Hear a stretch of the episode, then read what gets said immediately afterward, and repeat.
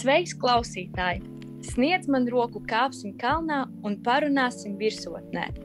Tu klausies Ogres pirmās vidusskolas podkāstu sarunas virsotnē, piekto epizodi. Sarunas virsotnē podkāstos mēs aplūkosim dažādas tēmas saistībā ar karjeras iespējām, skolotāju un absolventu pārdomām par ikdienas dzīvi, mācību procesu skolā, aktuālākās tēmas literatūrā un kino, par skolānu psiholoģisko domāšanu, kā arī aktuālākiem jaunumiem un pasākumiem mūsu skolā. Šodien, te un tagad, ar tevi kopā ir lieliskā un smaidīgā Airita, inteliģentais un asprātīgais Renārs un es, Patricija.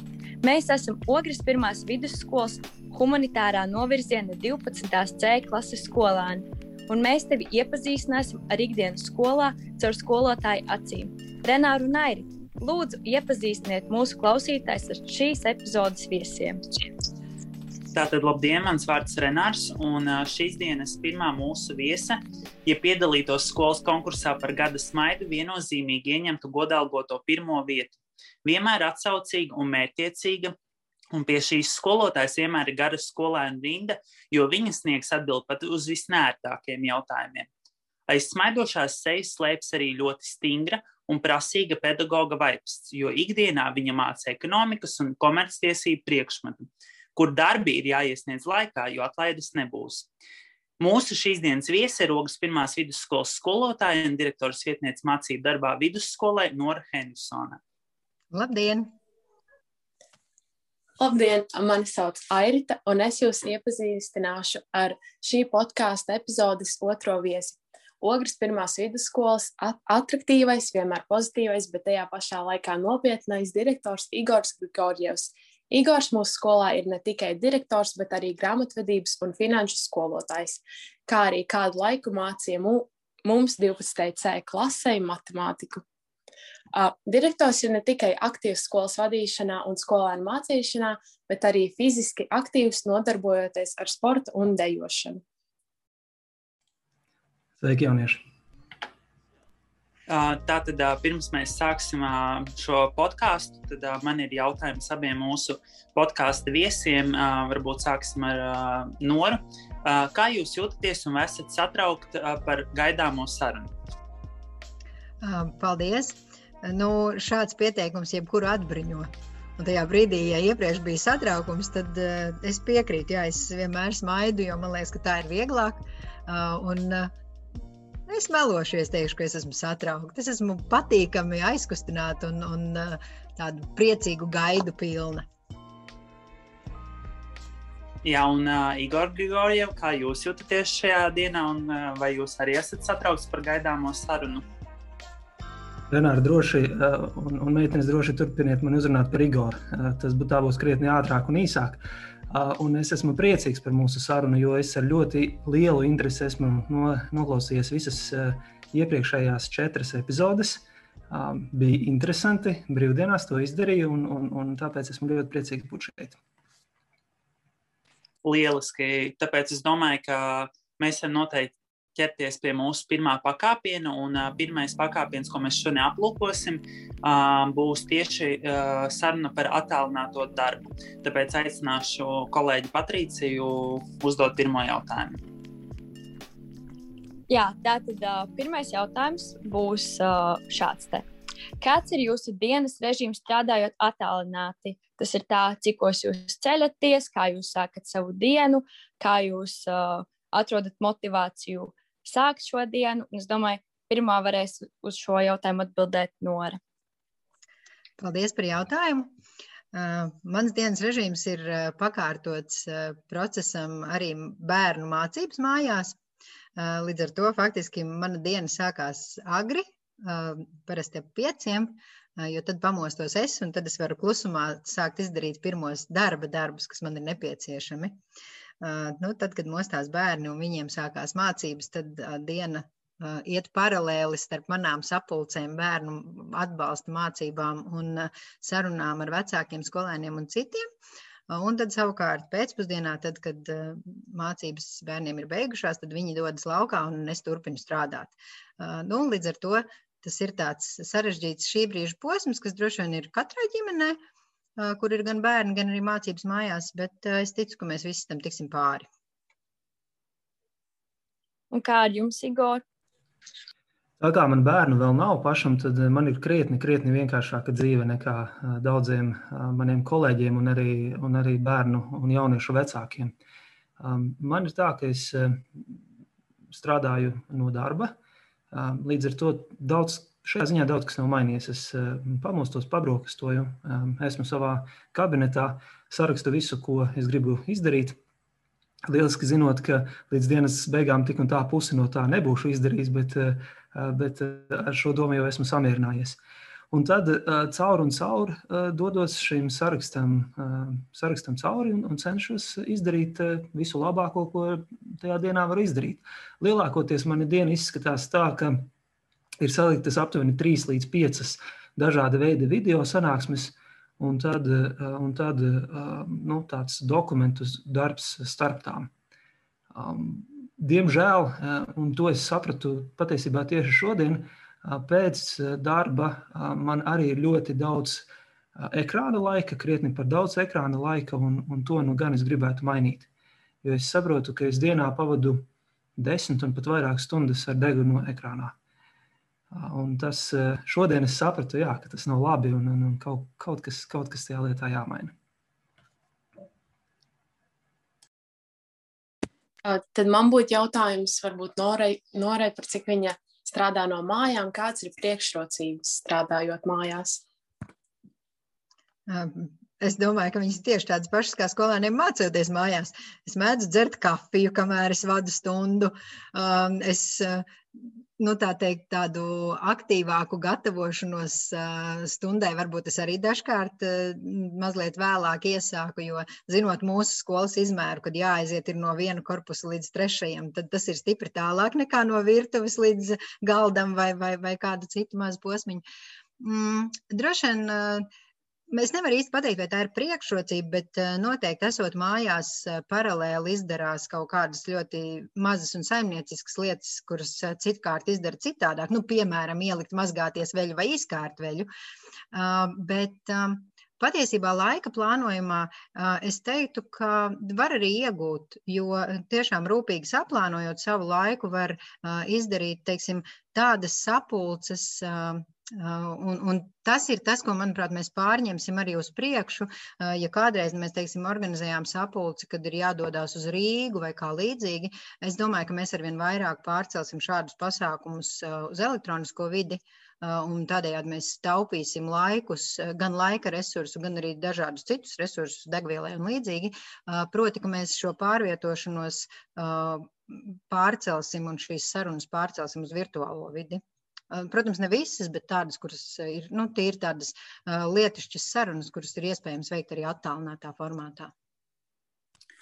Lieliski. Tagad esam ielūkojušies jūsu attālinātajā darbā un esam pievērējuši jau pirmo pakāpienu. Pašlaik mums iet ļoti diezgan raiti. Un, uh, mēs uh, ķersimies uh, klāt otrajam pakāpienam, kāpsim nedaudz augstāk, un uh, saruna būs par skolotāju profesiju. Un uh, došu vārdu Patricijai uzdodot jautājumu. Jā, atgriezīsimies nedaudz bērnībā un atcerēsimies, par ko mēs vēlējāmies kļūt bērnībā un kā nonācāt līdz skolotāja profesijai. Es domāju, tagad pirmais varētu atbildēt Igors. Es um, pašu, pašu bērnību neatceros, bet um, 8. klasē man uh, sākās, uh, 7. vai 8. klasē man sāka mācīt vēsturi. Un, uh, man bija uh, tāds uh, skolotājs, nu jau nelaiķis Kārlis Visnoliņš. Uh, tas bija ļoti, ļoti uh, dzīvīgs, ļoti interesants uh, cilvēks, kurš būtībā visu stundu stāstīja, stāstīja par vēsturi. Kas no vēstures mācīšanās viedokļa nav pats labākais veids, kā mācīties, jo nu, no stāstījuma mēs atceramies ļoti maz. Uh, Bet tas, ko, uh, bet tas, ko uh, Kārlis Visnoliņš man ir devis, viņš ir devis iedvesmu. Uh, iedvesmu par vēsturi, par politiku. Un, un pēc tam es gribēju, nu, pēc tikšanās ar viņu, es gribēju kļūt par vēstures skolotāju. Un es īstenībā nu, tā bija doma, kas man kādu laiku bija, līdz brīdim, kad es no, no, nonācu um, koledžā. Es nemācījos vidusskolā, es mācījos koledžā, un es mācījos uzņēmējdarbību. Un patiesībā man nu, 17, 18, 19 gados bija pilnīga pārliecība, ka es kļūšu, kļūšu par biznesa cilvēku, ka es nodarbošos ar uzņēmējdarbību. Nu, tādas šīs divas lietas man ir arī ir bijušās kopā. Um, tas, ka um, es no vienas puses esmu bijis, gribējis būt um, skolotājs, bet no otras puses es esmu visai uzņēmīgs, darbīgs cilvēks. Un tā, tā, tā uzņēmējdarbība uh, ir bijusi tā otra puse, kas man ir interesējusi. Nu, kas šobrīd ir saplūdusi manā uh, manā um, esošajā profesijā, es domāju, ka es esmu visai uzņēmīgs pedagogs. Jā, tas, tas ir tas, kas no manis ir sanācis. Un kā ar jums, Nora? Jā, mans stāsts būs mazliet līdzīgs. Es melošu, es teikšu, ka es kādā brīdī biju nolēmusi, ka es būšu skolotāja. Jo Es patiesībā mācoties vidusskolā, man nebija skaidrs, ko, kas tas varētu būt un ko es varētu darīt, bet man bija ļoti aizrautīga skolotāja mācību priekšmetā ekonomika, skolotāja Lāca. Un, nu, tad beidzot vidusskolas mācības, es sapratu, ka jā, nu, šāds cilvēks es arī gribētu un varētu būt. Un viņa bija strādāja gan uzņēmēja darbībā, mācīja tātad ekonomiku. Un es iestājos studēt uzņēmējdarbību, un arī pēc kāda laika sāku vadīt uzņēmumu un nodarbojos biznesā. Un tad pienāca situācija, kad manai māsai nebija, kas māca ekonomiku. Un tad es sapratu, ka nē, nu man taču vajag tā, lai manai māsai kāds nu, tā normāli iemāca ekonomiku, ka tur man nedara kaut kā. Un tad es teicu, nu labi, es iešu mācīt ekonomiku. Nu, tā tas viss aizsākās. Sākumā tās bija sešas stundas nedēļā, un pēc tam jau tas viss pārauga par manu pamatu darba vietu. Un, jā, tagad es esmu skolā, un es viennozīmīgi varu teikt, ka biznesa ir forši, bet to gandarījumu, ko var saņemt skolā, biznesā ir daudz grūtāk saņemt. Tāpēc skola ir brīnišķīga vieta. Un tad man varbūt būtu jautājums, kas ir labākais, ko var iegūt strādājot skolotāju darbā? Kāpēc es saku, ka skola ir brīnišķīga vieta? Jo mm, tā ir vieta, kurā atnākot no rīta uz darbu, vai arī ieslēdzot datoru darbam, mēs īsti nekad nezinām, kāda būs mūsu diena. Tas noteikti nav rutīnas darbs. Un otrs ir tā gandarījuma sajūta, kuru tu saņ, saņem, kad uh, tās degošās bērna acis, kad, viņš, kad tu redzi, ka viņš ir sapratis. Tas ir kaut kas tāds, kas ir nu, tāds ļoti neaizstājams. Un, un arī tā saziņa, tad, kad jau jaunietis ir beidzis skolu, ka viņš atnāk pēc kāda laika un pasaka, ka jā, skolotā bija jauki, un, un ka viņš atcerās to, un viņam ir palīdzējis vēl kāda ideja vai kādas sarunas, kas mums ir bijušas. Jā, tās ir tās brīnišķīgās lietas, kas ir skolā, manuprāt. Kā jums, Igor? Jā, es, man nereizi nav bijis tā, ka es atnāku mājās un, un jautāju sev, kāpēc es to daru. Um, tas, darbs, tas darbs ir tāds, kurš nu, atbildi uz šo jautājumu ir, ir vienkārši. Tam, tam darbam tiešām ir jēga. Uh, nav neviena nu, nav sajūtas, ka uh, ka šis darbs ir bezjēdzīgs vai pasakot, Dievs, kaitīgs, tam darbam ir, ir, ir pozitīvs pienesums. Gan skolotāja, gan skolas vadītāja, gan citās lomās izglītībā. Tam tiešām ir nu, pozitīvs pienesums, un, un tā ir laba sajūta. Nu, ja tu dari kaut ko tādu, kas ir nu, labs, uz, uz, uz, uz labu vedošs, tas ir super. Man jums ir jautājums, tieši jautājums Igoram. Kādas bija pārdomas un sajūtas sākot mācīt matemātiku mums desmitajā klasē, jo tas bija tāds pēkšņs process, un kādas mums bija sajūtas kā skolotājiem, kā skolas vadītājiem uzņemot šīs mācības mums? Nu, iemesls, es cenšos būt godīgs, un iemesls, un iemesls ir, kāpēc es sāku mācīt matemātiku, bija tāds, ka tas skolotājs, kurš eh, jums bija īsu brīdi, nedrīkstēja mācīt. Nu, viņu nedrīkstēja laist pie bērniem. Um, nu, tā profesionālā varēšana um, būtiski neatbilda, uh, neatbilda tai, kurai nu, būtu jābūt. Uh, un, uh, un mums ar, ar, ar šo kolēģi nācās ļoti ātri gada sākumā šķirties. Un visi citi skolotāji, skolotāji bija aizņemti. Tad, tad nu, es, protams, uzņēmos matemātikas mācīšanu jums. Um, jo galu galā nu, dienas beigās es esmu atbildīgs par, par skolas darbu. Un, un ja nav nekādu citu risinājumu, tad nu, tas, ko es pats varu izdarīt, tad to es arī uzņemos. Un es matemātiku pirms tam jau biju mācījis. Es, uh, mans pirmais darbs kā skolotājiem bija matemātikas un ekonomikas mācīšana. Tā kā nav tā, ka jūs bijāt uh, nu, pilnīgi man eksper, eksperimenta objekti, bet, bet jāsaka, protams, ka apvienot direktoru un direktora darbu un tik daudz stundu mācīšanu ir ļoti, ļoti, ļoti grūti. Bet manuprāt, jūs lieliski tikāt ar to galā. Paldies jums par to. Un jautājums Norai, jo jūs arī mūs esat mācījuši kādu laiku tikai ekonomiku. Un kas bija vieglākais un kas bija grūtākais mācot mums ekonomiku? Un man vēl tāds mazs papildu jautājums. Vai jūs atceraties tos uh, mūsu stāstus par sierņiem, kā mēs vienmēr uh, visos uzdevumos iesaistījām biezpienas sieriņus? Jā, protams, jo man liekas, ka nu, tā bija tā mūsu mācīšanās metode, ka, manuprāt, tad, ja ir viena konkrēta lieta, un mūsu gadījumā tā bija biezpienas sieriņa ražošana, kas mums vilkās cauri visam mācību gadam, un, un man liekas, nobeidzās arī ar sieriņu ēšanu, ja es pareizi atceros, ka tas ir nu, tas vienojošais elements, tas palīdz šiem mācību tematiem. Kopumā man pašai šķiet, ka mācību priekšmets ekonomika ir noderīgs jauniešiem. Un man ir mazliet žēl, ka nu, faktiski vairs šāda mācību priekšmeta nav.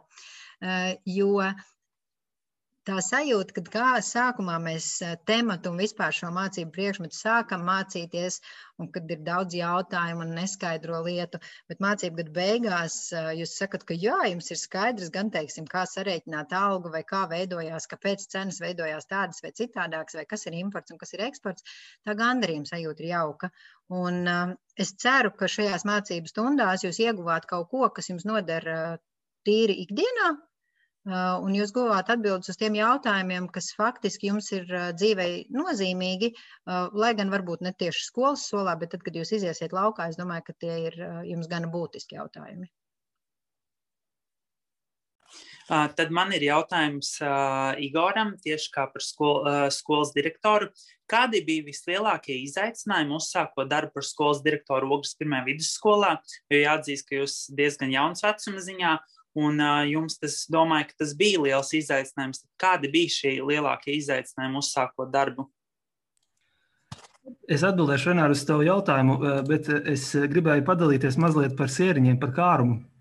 Iespējams, ka jūs esat pamanījuši, ka tik, tikko pirms dažām dienām um, zīmola, um, zīmolam kārums, um, arī oranžā krāsa, spilgti oranžā krāsa, ir atzīta par zīmola sastāvdaļu kas nozīmē, ka neviens, neviens cits Latvijas um, sieriņu ražotājs nedrīkst izmantot uh, spilgti oranžo krāsu, tikai, tikai kārums.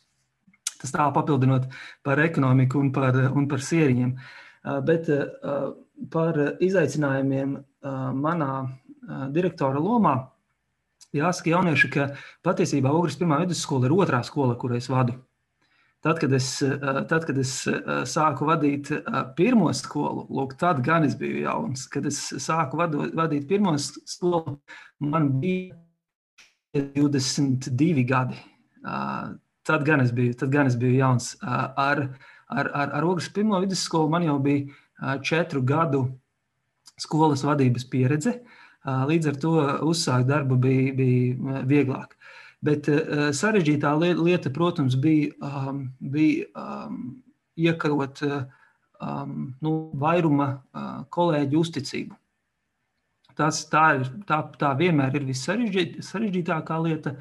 Uh, es nedomāju, ka man jo arī tagad uzticas pilnīgi visi kolēģi, bet es domāju, ka absolūti lielākā daļa uh, uzticas tam, ko um, nu, mēs mēģinām kopā paveikt. Uh, bet nu, sākumā bija ļoti nu, praktisks jautājums, vai nu, tam salīdzinoši jaunajam puisim uzticēties vai ne. Ja? Un, un tas, bija, tas bija, protams, viss vis, vis, vis sarežģītākais. Bet nu, es domāju, ka absolūti lielākā daļa kolektīva tomēr uzticas tam, ko mēs kopā šobrīd mēģinām skolā izdarīt. Man būs jautājums adresēts tieši Norei. Vai jūs ieteiktu strādāt skolotāju profesijā? Man ir jāatzīst, ka es noklausījos arī interviju ar skolotāju Slišānu, kas jums bija podkāstā. Un jūs uzdevāt arī šo jautājumu, un es sapratu, ka jā, man atbild būtu ļoti, ļoti līdzīga. Manuprāt, skolā ir jāstrādā cilvēkam, ja viņam šeit gribas strādāt. Jo tad, ja cilvēks jūt aicinājumu strādāt ar jauniešiem, strādāt ar bērniem, un ja viņam ir ne tikai mācību priekšmeta zināšanas, bet ja viņam ir šīs sadarbības prasmes, tad šī ir ļoti laba vieta, kurā strādāt. Tāpat laikā, ja cilvēkam ir, cilvēks var būt ļoti augsts klases speciālists, bet ja neveicās īsti ar savstarpējo saziņu, ar, ja cilvēks nav gatavs stāstīt arī piecas reizes vienu un to pašu jautājumu atbildes meklējumos vai, vai paskaidrot vēlreiz un, un vēl, tad savukārt būs grūti. Jo nu, jums ir ļoti laba pieredze. Tātad jūs jau esat gatavi nākt uz stundām, tad, ja jūs zinat, ka viens tas būs noderīgi, bet arī, ka mūsu šī klases atmosfēra būs patīkama. Uh, un tas ir ļoti nozīmīgi. Jebkurai mācību stundai, pilnīgi jebkurā vecumā. Uh, un, uh, ja cilvēks ir atvērts, zinošs un gribošs nodot arī savas zināšanas, tad jā, es noteikti nā, ieteiktu nākt uz skolu. Jā.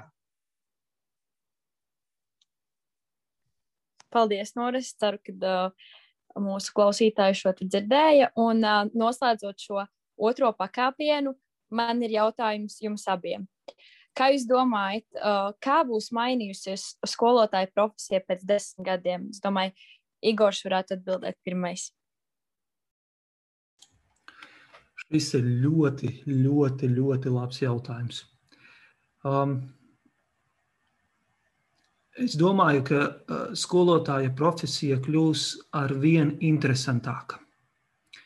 Un uh, skolotāja profesijā varēs strādāt ar vien dažādāki cilvēki, ar vien, ar, ar vien dažādākām prasmēm. Uh, un es domāju, ka uh, nu, tās gaidas, tā latiņa uh, pret skolotāju profesionalitāti un, un varēšanu uh, ar katru piecgadi ar vien būtiski pieaugs.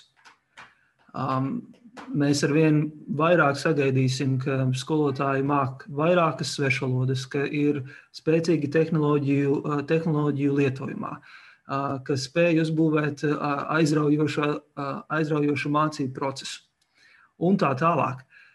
Nu, būtībā šī profesija ir vieta radošiem, mērķiecīgiem cilvēkiem. Tā kā es domāju, ka nākamajos pēc desmit gadiem, un arī turpmāk, šī profesija būs ar vien interes, interesantāka, protams, arī izaicinošāka, bet jauniem cilvēkiem tā būs ļoti, ļoti interesanti. Es varu tikai papildināt, un es domāju, ka šī profesija iespējams atšķirsies arī dažādās skolās. Jo, ja tā būs liela skola, kurā ir teikt, vienā jomā daudz mācību, klašu un, un kontaktu stundu, tad iespējams skolotājs kļūst ar vien dziļāks speciālists savā mācību jomā. Tāpat laikā es domāju, ka arī tās skolas, kuras ir nelielas, ka tur savukārt tiešām skolotājiem būs jābūt zinošam daudzos mācību priekšmetos, Piemēram, iespējams, viņš spēs pasniegt dabas zinību dažādus priekšmetus kopā, kā viens skolotājs, bet dažādus mācību priekšmetus, vai veidot šo saiti un stāstīt par dabas zinībām kopumā, jo tas droši vien arī atrisinās šo mobilitātes jautājumu. Es domāju, tagad, lai nedaudz atpūstos no jautājumiem un pakustinātu nedaudz ātrāk smadzenes, būs ātrā spēle. Katram būs dots divas iespējas, un obligāti jāizvēlas viena no tām bez ilgas domāšanas. Tad došu vārdu Renāram. Tātad uh, man pirmie jautājumi būs tieši norai. Komēdija vai šausmu filma? Šausmu filma. Sāļš vai salds? Salds. Popmūzika vai rokmūzika? Mm, Popmūzika. Rīts vai vakars? Rīts. Bibliotēka vai muzejs? Biblioteka. Grāmata vai filma? Filma. Lasīšana vai rakstīšana? Lasīšana. Dārziņa vai augļi? Augļi. Brīvdienu rīts kultā vai labāk aktīvā pastaigā? Pastaigā. Nu, tagad kārta Igoram. Puzle vai galda spēle? Galda spēle. Silts vai augsts laiks? Silts. Kalni vai pludmale? Kalni. Futbols vai basketbols? Uf, vienos vārtos futbols. Sarakstīties īsiņās vai sazvanīties? Īziņas. Zīmols vai pildspalva? Zīmols. BMW vai Audi? Mm, Audī. Dziedāt vai dejot? Oh, šis ir labs. Um, dejot. Paldies! Tā arī mēs noslēgsim šo ātrā spēli. Bet nekas būs vēl viena. Uh, paldies manai kolēģei Patricijai par aktīvo vadīšanu, un uh, paldies mūsu dalībniekiem par uh, ātrām atbildēm. Un, uh, es domāju, ka mēs uh, pēc nelielas pauzītes varam ķerties jau pie trešā pakāpiena. Un šajā sadaļā mēs aplūkosim jautājumus, kas būs saistīti ar ārpusskolas aktivitātēm. Tad nu es uzdošu pirmo jautājumu. Nori, kas palīdz atbrīvot prātu no saspringtās darba dienas? Viennozīmīgi pastaiga. Ja man ir šāda iespēja, tad tas ir tas, kas man ļoti palīdz, un man pat vairs nav nozīmes, kur. Ja kādreiz man likās, ka tam noteikti ir jābūt tur nu, gar jūru, tā pavisam skaisti vai līdzīgi, šobrīd tas pat vairs nav būtiski. Vienkārši iet, citreiz kaut ko austiņās klausīties, un citreiz neklausīties neko, proti klausīties to, kas notiek apkārt, putnus, upi vai jebko citu, bet tas ir tas, kas man palīdz. Jā. Un kā būtu jums, Igor?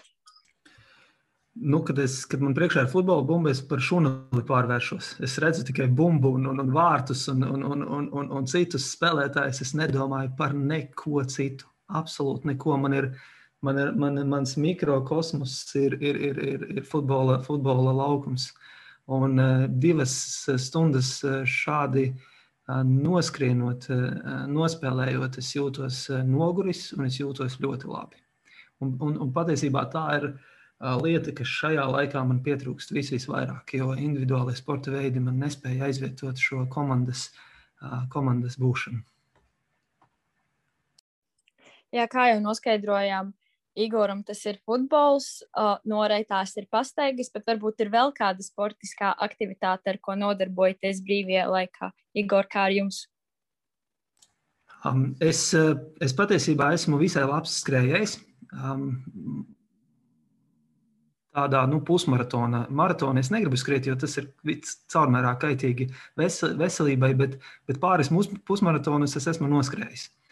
Bet, bet kaut kā pēdējos gados skriešana šķiet ļoti garlaicīga. Nu, tik garlaicīga, ka uh, vienā brīdī es sapratu, nu, ka mazliet jāpakūst tas ir, un es nopirku lecam auklu. Un, un jūs neticēsiet, bet ir vismaz 50 dažādi veidi, kā var lekt ar lecam auklu. Paldies, kā jums, Nora? Man tiešām lielākais, tā teikt, pastaigas ir tas, kas man ir no tāda, kad es pati kustos, tā ir mana joma. Bet, ja nu ir labs laiks un ja nu ir iespēja, es nezinu, vai jūs to skaitīsiet pie sporta, bet tad es labprāt izbraucu ar moci kas ļauj mazliet atbrīvot galvu, un tieši tā, tad vairs ne par ko nedomā. Un, nu, patiesībā noturēt moci mazliet tur arī vajag gan prāta, gan spēka. Līdz ar to es atļaušos pieskaitīt pie sporta, piedodiet. Jums jau sen ir motociklu vadītāja apliecība? Tā, kas ir lielai kategorijai, gadi astoņi. Pirms tam mazais. Man būs jautājums par šobrīd diezgan aizmirstu tēmu, bet uh, es domāju, mēs visi gaidām, ka tas beidzot būs iespējams. Vai jums patīk apmeklēt kultūras pasākumus, un, ja jā, tad kādus, un ko jūs varētu ieteikt mūsu klausītājiem? Došu vārdu Igoram. Man, man ļoti patīk apmeklēt muzejus. Tas nu, pirmām kārtām ir vienkārši mēģinājums, iespēja pamainīt vidi, izbraukt no, no savas pilsētas, aizbraukt citur. Un es neieteikšu, es neieteikšu ne, nekādu konkrētu, ne, nu, nekādu konkrētu izstādi, jo tās, protams, vairs nav aktuālas. Bet, bet tas, ko es noteikti iesaku, ir nu, paskatīties uz visiem iespējamiem muzejiem un vismaz reizi mūžā aizbraukt uz tiem. Jo muzeja kļūst ar vien interesantāki, to vienmēr var apvienot ar nu, kafejnīcas apmeklējumu tajā pilsētā, uz kuru tu aizbrauc, vai pastaigu, vai kādu citu aktivitāti. Tā kā mēs ar sievu visai daudz esam izbraukājuši Latvijas dažādas vietas un cenšamies, cenšamies ieiet nu, tajās esošajos muzejos. Nu, pēdējais, kas man nāk prātā, mēs bijām aizbraukuši uz Ludzu. Un Ludzā ir brīvdabas, brīvdabas muzejs, kurā līdzīgi kā Rīgas brīvdabas muzejā ir Latvijas senās mājas un, un, un klētis un tam līdzīgi. Nu, tas ir tas pēd, pēdējais spilgtākais, kas man nāk prātā. Man no kultūras vislabāk patīk teātris. Un, jā, varbūt nesenāk apmeklēt tik bieži, kā gribētos, bet teātris noteikti ir tā mana kultūras sastāvdaļa. Un pēdējais, kas man bija tiešām milzīgs pārsteigums, ļoti patīkams pārsteigums, tas bija Leļu teātra uzvedums Emīls un Berlīnas zēni. Jāsaka, godīgi, es pret leļu teātru esmu diezgan atturīga. Es viņu apmeklēju, jo es viņu, uz viņu mēdzu vest bērnus. Bet man, es neesmu pati liela, liels fans leļu teātrim, bet šajā izrādē faktiski Lelles bija tikai tādi milzīgi tēli. Uz skatuves bija dzīvā mūzika. Un jā, šis bija, tā teikt, ja šī izrāde nav redzēta, tad to es iesaku ikvienam neatkarīgi no vecuma. Ļoti, ļoti, manuprāt, labs darbs. Kā zināms, šajā periodā mums ir liekta iespēja ceļošana, un tad mans jautājums kā kaismīgam ceļotājam būtu, uz kādiem ceļojuma galamērķiem jūs esat bijuši, un uz kādiem galamērķiem vēl vēlētos nokļūt, un tad uh, došu vārdu Igoram.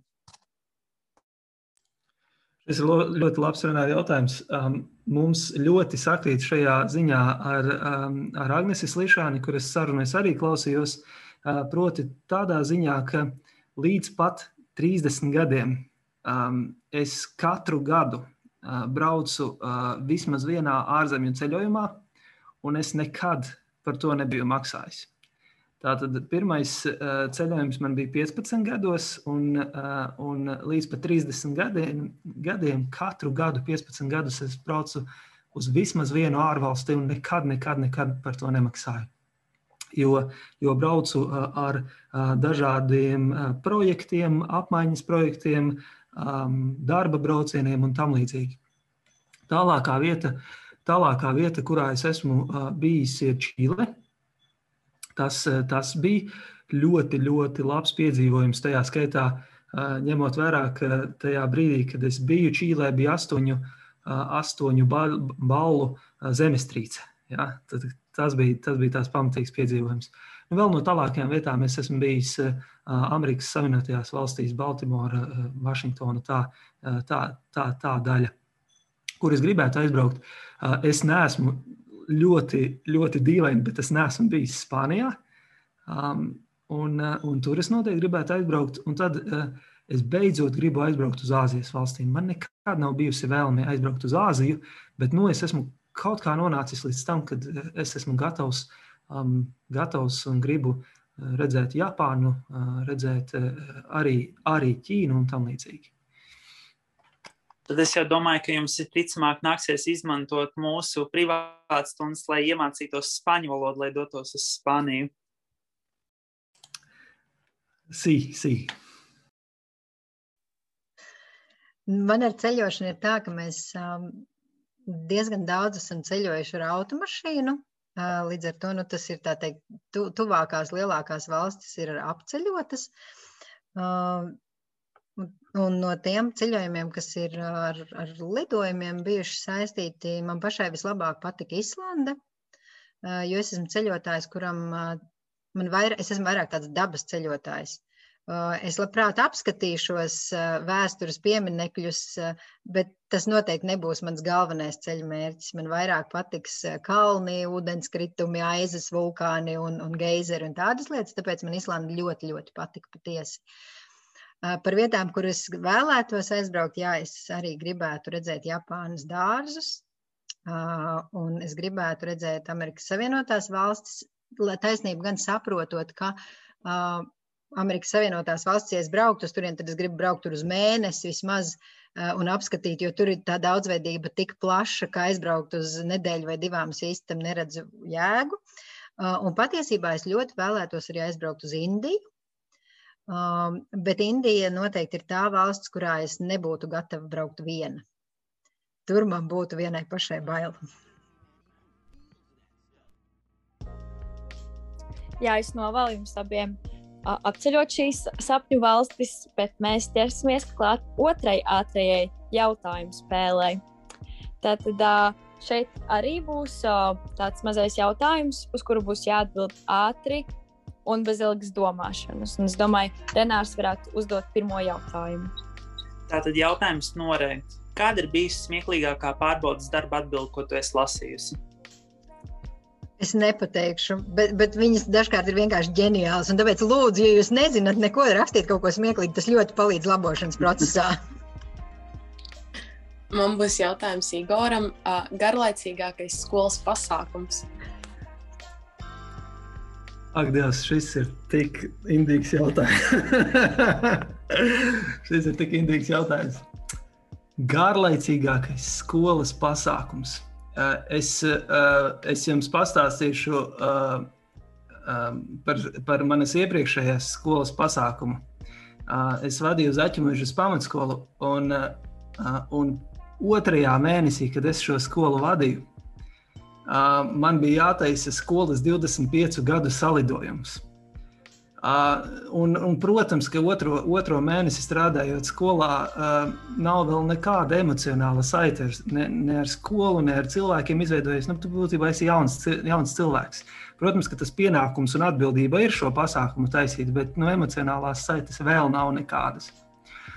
Un tad es, uh, es sēžu trijos naktī zālē, kurā uh, ir, ir, ir, ir, ir eh, piedzērušies un laimīgi absolventi, kuri dzied.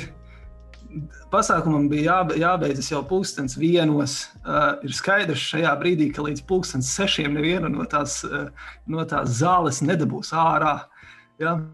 To es atceros kā tādu nu, ļoti, ļoti spilgtu uh, gadījumu, kad es vēl nebiju tam gatavs. Protams, ka tajā brīdī, kad, eh, kad ir jau attiecības un, eh, un, un emocionāla saite ar skolu, ar cilvēkiem, ar absolventiem, ar skolēniem, tad es justos pavisam citādāk. Eh, tad es tur dejotu līdz sešiem rītā un būtu tikpat laimīgs.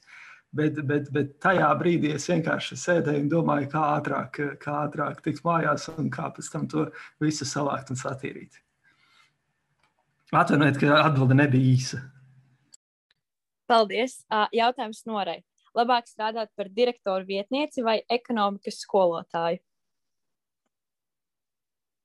Nu, gan jautājums. Es, es šā, no šī negribu izvēlēties. jo, ziniet, katram no šiem darbiņiem ir uh, savs pienesums. Un, uh, nē, ne, neizvēlēšos, piedodiet, es neizpildu jūsu kritērijas, bet ļoti, ļoti grūti izvēle. Nu, tā, ka nu, nevar no šī izvēlēties.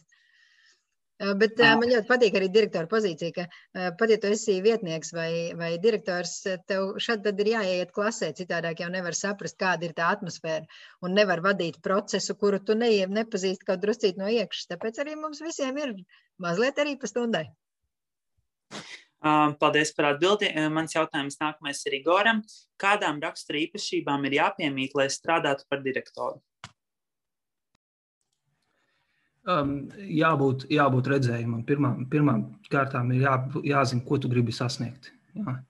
Um, jo uh, ir ļoti viegli aizpildīt, vis, aizpildīt visos iespējamos virzienos. Pirmā lieta ir, uh, uh, ir jāzina, uz kurieni nu, to kuģi, kuģi virzīt. Un tad jābūt neatlaidībai, to darīt ilgstoši. Jābūt stresa, stresa, stresa noturībai. Un ļoti svarīgi jābūt pozitīvam skatījumam uz dzīvi. Nu, kopīgai ticībai, ticībai cilvēkiem, ticībai, ka ka nu, galu galā varēs un būs, um, jo bez tā ir ļoti, ļoti grūti panākt lietas. Tātad redzē, redz, redzējums, neatlaidība un uh, ticība cilvēku uh, varēšanai un gribēšanai. Es teiktu, ka tās ir galvenās lietas. Nākamais jautājums. Norē, labākā filma, ko esat redzējusi? Nu, man patīk sievietes smarža. Jā, nu, romantiski, skaisti, mierīgi. Bet es esmu cilvēks, kas man daudz nevajag, lai es pie filmām paraudātu. Līdz ar to, jā, es esmu arī nostījusies kādas divas reizes Titaniku. Un, bet patiesībā, manuprāt, filmas ir diezgan daudz labas. Jo, jā, man patīk gan grāmatas, bet biežāk man iz, izdodas skatīties filmas. Un, tas ir tas veids, kā ātri uztvert arī kādu ziņu. Vai, vai teiksim, izpētīt kādu vēstures arī posmu. Tas, par ko es pēdējā laikā ļoti priecājos, ka mm, šajā gadā man ir izdevies noskatīties arī seriālu Černobiļa, jo tas ir veids arī, kā izzināt ātrāk. Kā, nu, protams, tur vienmēr ir savs kāds subjektīvais režisora skatījums vai kas līdzīgs, bet man ļoti patīk arī latviešu režisoru filmas. Tāpēc, jā, ir, ir, ir grūti varbūt nosaukt pat vienu. Man liekas, ka katram ir jāatrod tā sava joma. Es neesmu cilvēks, kas skatās komēdijas. Uh, šis, tāpēc starp komēdiju un šausmu filmu man nebija grūti. Es nepateiktu, ka es esmu liels fans arī šausmu filmām, bet pie izvēles es izvēlēšos tomēr ne komēdiju. Paldies! Jautājums Igoram. Kāds ir jūsu sapņu auto? Nesalūzis. Tā ir pirmā tā, tāds visu laiku nesalūzis. Varat iedomāties tādu, tu katru dienu viņš iet tur un iet tur, kur vajadzētu. Tāds ir mans sapņotājs. Lieliski atbildi. Un uh, man jautājums jums abiem, vai varat pastāstīt īsi, kāds ir uh, lielākais nedarbs, ko jūs esat izdarījuši skolas laikā? Uh, jautājums norēja no sākuma. Nu, vispār es biju ļoti pareiza skolniece. Bet divas reizes manā vidusskolas posmā mani nokaitināja mans klases biedrs. Un tad es kļuvu slikta. Vienreiz es viņam iesitu pļauku tā cītīgi, bet man bija tāds plats gredzens, un viņam nabagam sāk asiņot deguns. Uh, un otrā reizē es viņam metu ar slotu skātu pa kāpnēm. Nu, nu, tā arī mēdz gadīties. Tā kā jā, es esmu dažkārt arī neganta.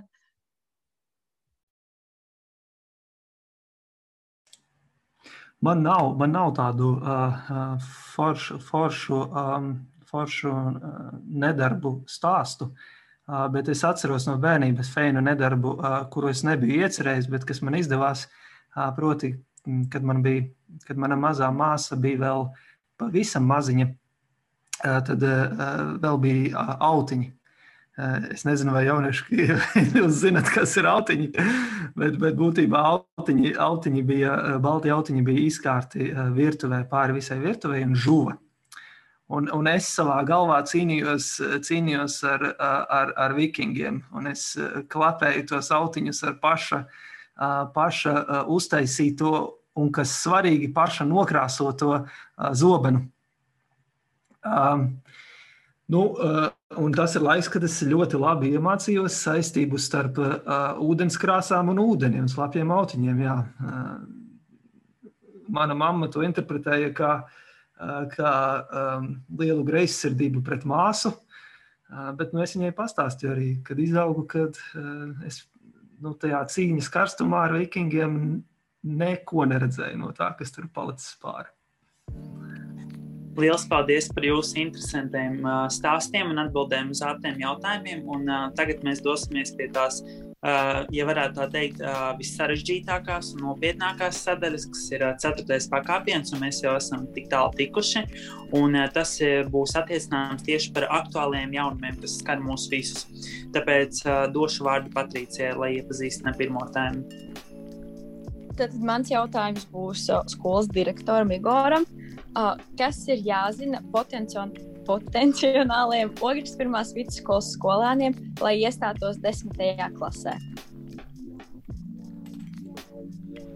Ļoti labs jautājums. Pirmkārt, ir jāsaprot, vai vidusskola ir īstā vieta. Ja? Vai, vai, vai vēlamies mācīties vidusskolā, vai vidusskola ir vispiemērotākā vieta. Un kam ir domāta vidusskola? Vidusskola ir domāta jauniešiem, kas skaidri zina, ka, ka mācīsies augstskolā. Tā, tā ir viena lieta. Un uh, jauniešiem, kuriem uh, patīk uh, risināt kompleksas problēmas. Ko nozīmē kompleksas problēmas? Tas nozīmē, ka, lai atrisinātu problēmu, tev uz to jāapskatās no ļoti, dažādiem, no ļoti dažādām pusēm. Tāpēc vidusskolā tiek mācīti dažādi mācību priekšmeti, dažādi kursi, dažādās jomās. Atšķirībā no profesionālās izglītības, kur tu jau visai izteikti sašaurini fokusu. Tātad, ja ir skaidrs, ka grib, ja ir skaidrs, ka grib augstākajā izglītībā turpināt savu, savu dzīvi un patīk risināt kompleksas problēmas, tad vidusskola ir īstā vieta. Un, lai iestātos vidusskolā, ir divi priekšnosacījumi. Pirmkārt, un tas līdz, līdz šim nekad nav bijis, ir jāuzraksta motivācijas vēstule, un motivācijas vēstuli um, varēs iesniegt elektroniski skolas mājaslapā jau no 22. marta. Uh, un otrs nosacījums idejam vērtējumam, uh, beidzot pamatskolā jābūt vismaz sešām balēm. Um, un par motivācijas vēstuli varēs uzzināt 22. martā, 6. vakarā, kad skolas mājaslapā būs atsevišķa video tiešraide par to, kā uzrakstīt veiksmīgu motivācijas vēstuli. Tā šie divi nosacījumi, motivācijas vēstule un vidējā vidējais vērtējums vismaz 6 balles ir nepieciešami, lai nākamgad mācītos mūsu skolas desmitajā klasē. Paldies direktoram par nelielu ieskicējumu, kas jāzina mūsu potenciālajiem desmitās klases skolēniem, kas plāno iestāties Ogres pirmajā vidusskolā. Un, ja tu tieši domā, tad noteikti piesako dažādiem skolas sociālajiem tīkliem, seko līdzi jaunākajai informācijai skolas mājaslapā, kā arī, manuprāt, fantastiska iespēja, kad ir YouTube noteikts grafiks ar lekcijām, kur ir pieejami par tieši motivācijas vēstuļu rakstīšanu, tāpēc noteikti sekojiet šai informācijai līdzi. Un mans jautājums nākamais būs Norei. Kādas ir sajūtas eso klases audzinātajai desmitajai klasē, zinot, ka viņi ir pirmie, kuri apgūst jauno kompetenci izglītību, un kā tas atšķirās ar tieši tiem, kuri mācījās pēc iepriekšējās izglītības metodas formāta? Paldies par jautājumu. Kas attiecās uz desmito klašu skolēniem, sauklis, ar, mē, ar kuru mēs viņus aicinājām skolā, bija veido savu vidusskolu pats. Un tā ir tā būtiskā atšķirība, proti ir ļoti maz desmito klašu skolēnu, kuriem ir identisks mācību stundu saraksts. Un tas īpaši izpaudīsies arī tajā brīdī, kad viņi mācīsies 12. klasē, proti viņi katrs veido ar konstruktoru savu kombināciju, kādus mācību priekšmetus un kurā gadā viņi mācīsies. Par audzināšanu um, tīri cilvēciski, protams, ļoti, ļoti pietrūkst, kad skolēni nav klāt esami, sastopami un, un nevar veikt visas aktivitātes, kuras mēs varētu realizēt klātienē. Kopumā Skolēni atzīst, ka šobrīd mācīties ir grūtāk. Tādēļ mēs meklējam dažādus risinājumus, lai arī attālinātajā periodā tomēr sajustu, ka mēs esam kā kolektīvs kopā. Ir grūtāk mazliet caur to, ka ir vairāk pašvadīts mācīšanās process, vairāk pašam ir jāorganizē savs laiks. Ir dažādas šādas prasmes, kuras Ja viņas ir labāk attīstītas, tad ir vieglāk. Ja savukārt viņas vēl uh, ir jāattīst, tad šis ir tas posms, kurā to darīt. Un arī visiem nākamajiem vidusskolas skolēniem tieši tā ir tā būtiskā izmaiņa, ka ir it kā vairāk brīvības katram vidusskolēnam, bet līdz ar to arī atbildības, personīgās atbildības apjoms palielinās. Es domāju, ka daudzi no mūsu klausītājiem ir dzirdējuši jaunums par jaunu skolas būvniecību Ogres pilsētā. Man būtu jautājums Igoram, vai varat īsumā pastāstīt, kā virzās šis jaunais projekts? Paldies par jautājumu. Um, jau, jau tuvākajos mēnešos uh, sāksies uh, pilnīgi jaunas skolas celtniecība. Uh, skola um, Ogres valsts ģimnāzija, skola, kurā paredzēti 600, eh, vieta 600 eh, jauniešiem.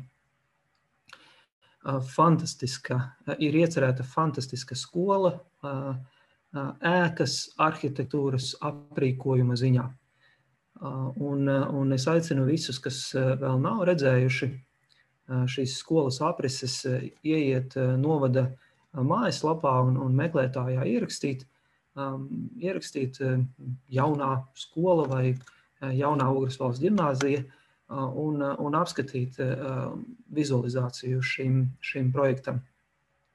Protams, būtisks būs, un mums visiem būtisks ir jautājums, kas šajā skolā mācīsies.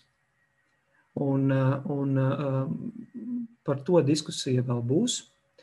Um, ļoti nopietna saruna, proti, uh, vai šajā skolā mācīsies eh, jaunieši no 7. līdz 12. klasē, eh, vai šajā skolā mācīsies jaunieši no 10. līdz 12. klasē. Atkarībā, nu, nu šis ir tāds, nu, tāds būtisks, būtisks jautājums. Mans personīgais viedoklis ir tāds, ka, um, ka um, vidusskolēnus uh, mūsu nu, jau lielākajā novadā uh, nevajadzētu šķirot. Un, ja mēs taisām vienu fantastisku skolu, tad taisām šo skolu visiem vidusskolēniem, visiem, 10, 12, visiem novada 10, 12 klašu skolēniem. Bet, bet viedokļi ir dažādi, diskusijas būs interesantas, kaismīgas, jo noteikti būs arī tādi, kuri teiks, ka nē, jātaisa no skola no 7. līdz 12. klasē, kurā nu, varēs mācīties tie skolēni, kuri izturēs konkursu. Ja? Bet es šādu, šādu pieeju neatbalstu, jo man nešķiet, ka jauniešus būtu jādala nu, divās, divās daļās. Tādu, tādā, kuri tiek pie jaunās skolas, un tādā, kuri netiek.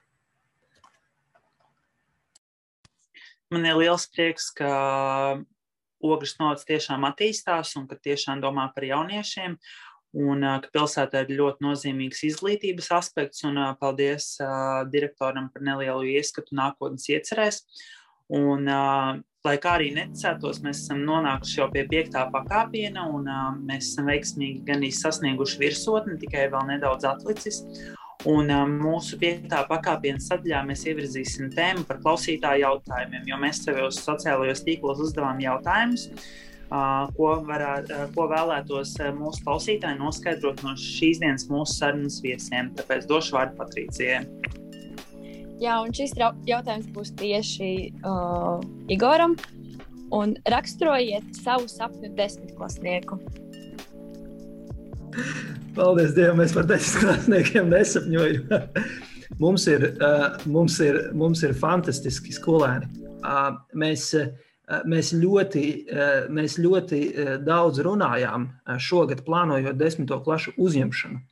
Mēs ļoti daudz runājām par to, kas ir tā latiņa, kas mums jāuzliek, lai, lai jaunieši skolā justos labi un, un, un, un trīs gadus tiešām nu, gan mācītos, gan justos labi. Un, uh, mēs izrunājām, ka tie, tās prasības, kuras mēs uzstādām, uh, proti, ka uh, skolēnam vidējais vērtējums ir seši, un viņš ir ieinteresēts un motivēts būt vidusskolā, un viņš zina, kāpēc viņš ir vidusskolā un ko grib sasniegt, vai arī viņam vismaz ir vēlme uh, noskaidrot. Ja? Tad, tad viņam, viņš ir pašmotivēts, lai to saprastu. Neko vairāk, neko vairāk um, es nevarētu lūgt Jo, uh, jo nu, ja šīs prasības ir iz, iz, izpildītas, tad uh, būs interesants cilvēks ar savu motivāciju, ar savu redzējumu, ar vēlmi iesaistīties skolas dzīvē. Un tas, kura, kurā jomā viņš būs spēcīgāks un kurā jomā viņš būs mazāk spēcīgs, tas jau ir atkarīgs no katra individualitātes. Es, es, mēs esam notiku, noteikuši to minimumu, kas mums šķiet ir minimums, un tālāk katrs, katrs var izaugt par tādu cilvēku šajos trijos gados, kāds viņš vēlas būt. Viņš vai viņa vēlas būt.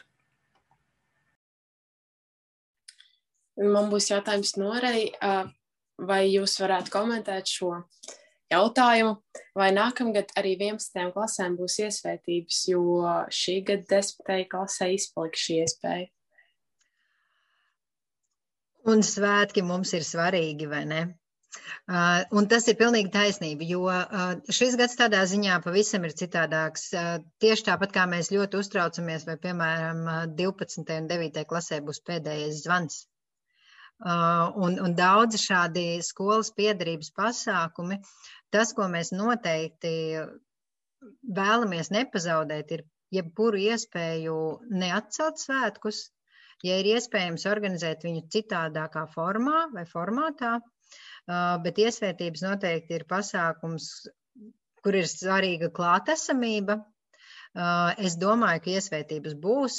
Jautājums ir par formātu, jautājums ir par to, vai tas varētu būt kopīgs pasākums tad desmitajiem un vienpadsmitajiem vai, vai kā citādāk, bet svētkiem skolā ir jābūt. Jo tas, par ko mēs arī iestājamies, ka mācības ir ļoti, ļoti svarīgas, bet Arī ļoti svarīgs ir tas, kā mēs pavadām laiku pēc mācībām. Tas ir iemesls, kāpēc mēs šobrīd skolā organizējam dažādus eh, klubus, šo pašu debašu klubu vai sporta klubu, vai daž, teikt, dažādas iespējas skolēniem piepildīt savu laiku arī ārpus mācību stundām. Tā kā mēs ceram, ka iesvētības būs. Man ir jautājums Igoram, kā jūs motivējat šajā periodā skolotājus ikdienas darbam? Es jāsaka, es nekādu nemotivēju. Mums ir ļoti, ļoti pašmotivēti cilvēki. Protams, ka katram ir savs, savi kritieni un, un, un savas tumšās dienas. Bet jāsaka, ka es nu, personīgi, mēs esam tik daudz, ka es tā personīgi motivēti arī nevarētu. Nu, ja man vienkārši būtu 20 minūtes jāparunā ar, ar katru savu kolēģi, tā būtu nedēļa. Tikai sarunās, 20 minūšu sarunās man jau nedēļa aizņemta. Mēs esam ļoti daudz. Tādēļ es personīgi nevaru motivēt, bet cilvēki lielākoties ir visai, visai pašmotivēti. Un mūsu skolas burvība ir tāda, ka mums katrā jomā lielākoties, lielākoties ir vairāk kā viens cilvēks. Teiksim, angļu valodā mums ir um, pulks angļu valodas skolotāju krievu valodas skolotāji, vairāki latviešu valodas skolotāji. Un, un, un šie kolēģi savā starpā komuni, komunicē, runā un, un iedvesmojas viens, viens no otra. Es teiktu, ka nu, mans personīgais devums tur nav un īstenībā te jau nevar būt, bet cilvēki ir pašmotivēti un arī motivējas no, iegūst motivāciju no sev, sev tuvākajiem un, protams, no skolēniem. Protams, no skolēniem lielākais, motivācija, lielākais motivācijas avots skolotājiem ir atsaucīgi skolēni. Paldies par atbildi. Un uh, man būs jautājums arī Igoram. Bet šis ir no klausītājiem, ne no mums. Vai 12. klasēm notiks izlaidums un pēdējais zvans? Ļoti labs jautājums. Mēs vēl, vēl vakar ar kolēģiem šo jautājumu atkal un atkal runājām. Un, un mūsu nostāja, kā jau Nora arī minēja, ir tāda, ka jābūt svētkiem. Jābūt svētkiem. Ja paši jaunieši un klases to grib, tad, tad, un ir iespēja tā vai citādi tos veidot, tad svētkiem obligāti un noteikti jābūt. Mēs jau sen sapņojam par, par nu, teiksim, 9. klasēm, mēs jau sen sapņojam par balli un divas ārā balli. Divas klases jau ir pateikušas, ka jā, arī tās to gribētu. Divas 9. klases no mūsu, no mūsu četrām jau ir teikuši, ir teikušas, ka gribētu, bet, protams, ir jāskatās, kāda būs situācija. Ja? Tā kā svētkiem jā, jā, jā, tikai nu, jāskatās, kā, kā, kā to praktiski īstenot, lai tiešām būtu feini. Kāds skatītājs ir jautājis, un man arī šis jautājums interesē. Domāju, ka daudziem vai 12. klasēm būs centralizēti eksāmeni, vai šis jautājums vai īsti vēl nav skaidrs. Došu gan jau vārdu Igoram, viņš gan jau vairāk zinās. Nora zinās uh, krietni vairāk nekā es šajā jautājumā. Tad pārdedresējam jautājumu Norai. Deleģēsim Norai. Jā, tieši pirms uh, trīs stundām sākās uh, viena no sapulcēm, kurām mums par šo stāstīja. Jā, centralizētie eksāmeni 12. klašu skolēniem šogad būs. Tātad uh, obligāti ir jākārto eksāmens pirmajā svešvalodā, matemātikā un latviešu valodā. Un, ja skolēns vēlas, viņš drīkst kārtot vēl kādu eksāmenu, bet centralizētie eksāmeni šogad netiek atcelti. Tieši tāpat būs novērotāji. Faktiski process nav citādāks, kā būtu citos gados. Manuprāt, tas ir arī pareizais lēmums, jo īpaši tas varētu skart tos skolēnus, ja nu kāds no skolēniem, piemēram, šogad nestājas augstskolā, un ja jums būtu tikai šajā gadā liecību izraksti, tad pēc tam salīdzinot varbūt grūtāk iestāties augstskolās, vai tad augstskolām būtu jārīko kāda uzņemšanas eksāmena vai kas līdzīgs. Līdz ar to es ticu, ka jūsu zināšanas ir pietiekami labas, un, un jūs jutīsieties droši un mēs jūs ar prieku redzēsim vismaz eksāmenos skolā. Paldies jums! Un, uh, ko jūs novēlētu mūsu skatītājiem, pirms mēs noslēdzam šo podkāstu epizodi?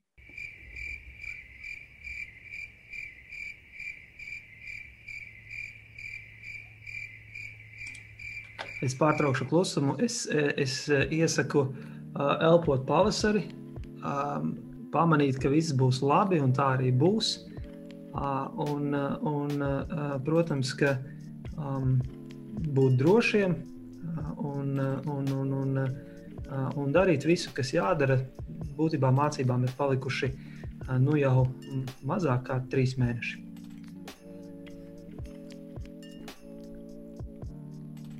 No savas puses es teikšu ļoti īsi. Galvenais, lai nav viena alga. Un tas attiecās uz jebkuru jomu, jo tajā brīdī, kad mums kļūst viena alga, tad patiesībā nekas vairs nav iespējams. Paldies par īso komentāru. Un, uh, mēs esam veiksmīgi uzkāpuši pa pieciem pakāpieniem un sasnieguši virsotni. Un ar to mēs arī šo sarunu noslēdzam.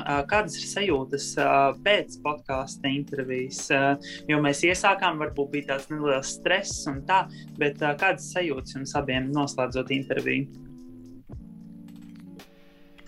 Pirms mēs sākām šo interviju, es jums arī teicu, ka, manuprāt, jūs esat izveidojuši kopā ar skolotāju Bremšmitu lielisku lietu, jo šādas sarunas, manuprāt, jums ļauj ne jums un arī citiem iepazīt, tā teikt, skolas vidi un skolas cilvēkus mazliet neformālāk, jo diez vai kāds man skolā gaitanī pienākt un pateikt, kāds bija jūsu nedarbs lūdzu vidusskolā vai pamatskolā. Un es arī labprāt ar to dalos, jo tajā brīdī, kad caur šīm intervijām jūs sajūtat, ka patiesībā jau visi skolā strādājošie un skolā piesaistītie ir tādi paši cilvēki, un ar mums var droši sarunāties un apvaicāties, manuprāt, tas iedrošina.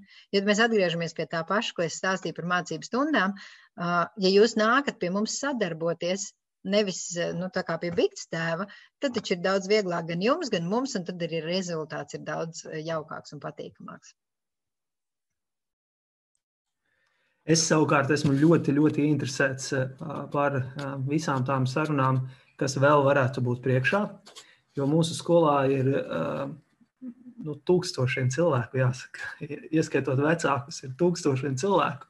Un tur ir tik interesanti un tik dažādi cilvēki, skolēni, skolotāji, vecāki, tehniskie darbinieki. Varētu būt tik daudz ļoti interesantu sarunu, un es gaidu, ar vien vairāk gaidu arī tādus cilvēkus, kurus es esmu dzirdējis mazāk, kurus es nepazīstu, kurus esmu dzirdējis mazāk. Tas, tas, man, tas man, protams, ir ļoti eh, interesanti. Un, un vēl man ļoti svarīgi dzirdēt arī jūsu nu, pašu balsis, podkāstu veidotāju balsis, ar jūsu viedokli, ar jūsu attieksmēm. Tā kā es ar ļoti lielu interesi turpināšu sekot podkāstu katrai, no epizodēm. Paldies par uzaicinājumu! Teikšu vēlreiz lielu paldies mūsu šīs dienas viesiem. Un uh, tiešām man ir patiesas prieks, ka jūs atbalstat uh, mūsu šo jaunveidojumu un uh, līdzdarbojaties tajā. Paldies, tev, ka klausies mūsu podkāstu sarunas virsotnē.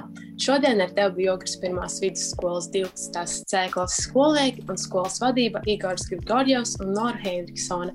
Cerams, ka šī epizode tevi aizrāva un tu uzzināji savu interesējošu informāciju. Seko mūsu sociālajiem tīkliem Facebook un Instagram, lai piedalītos podkāstu tapšanā un uzzinātu pirmais par jaunajām podkāstu epizodēm. Tiekamies jau drīzumā!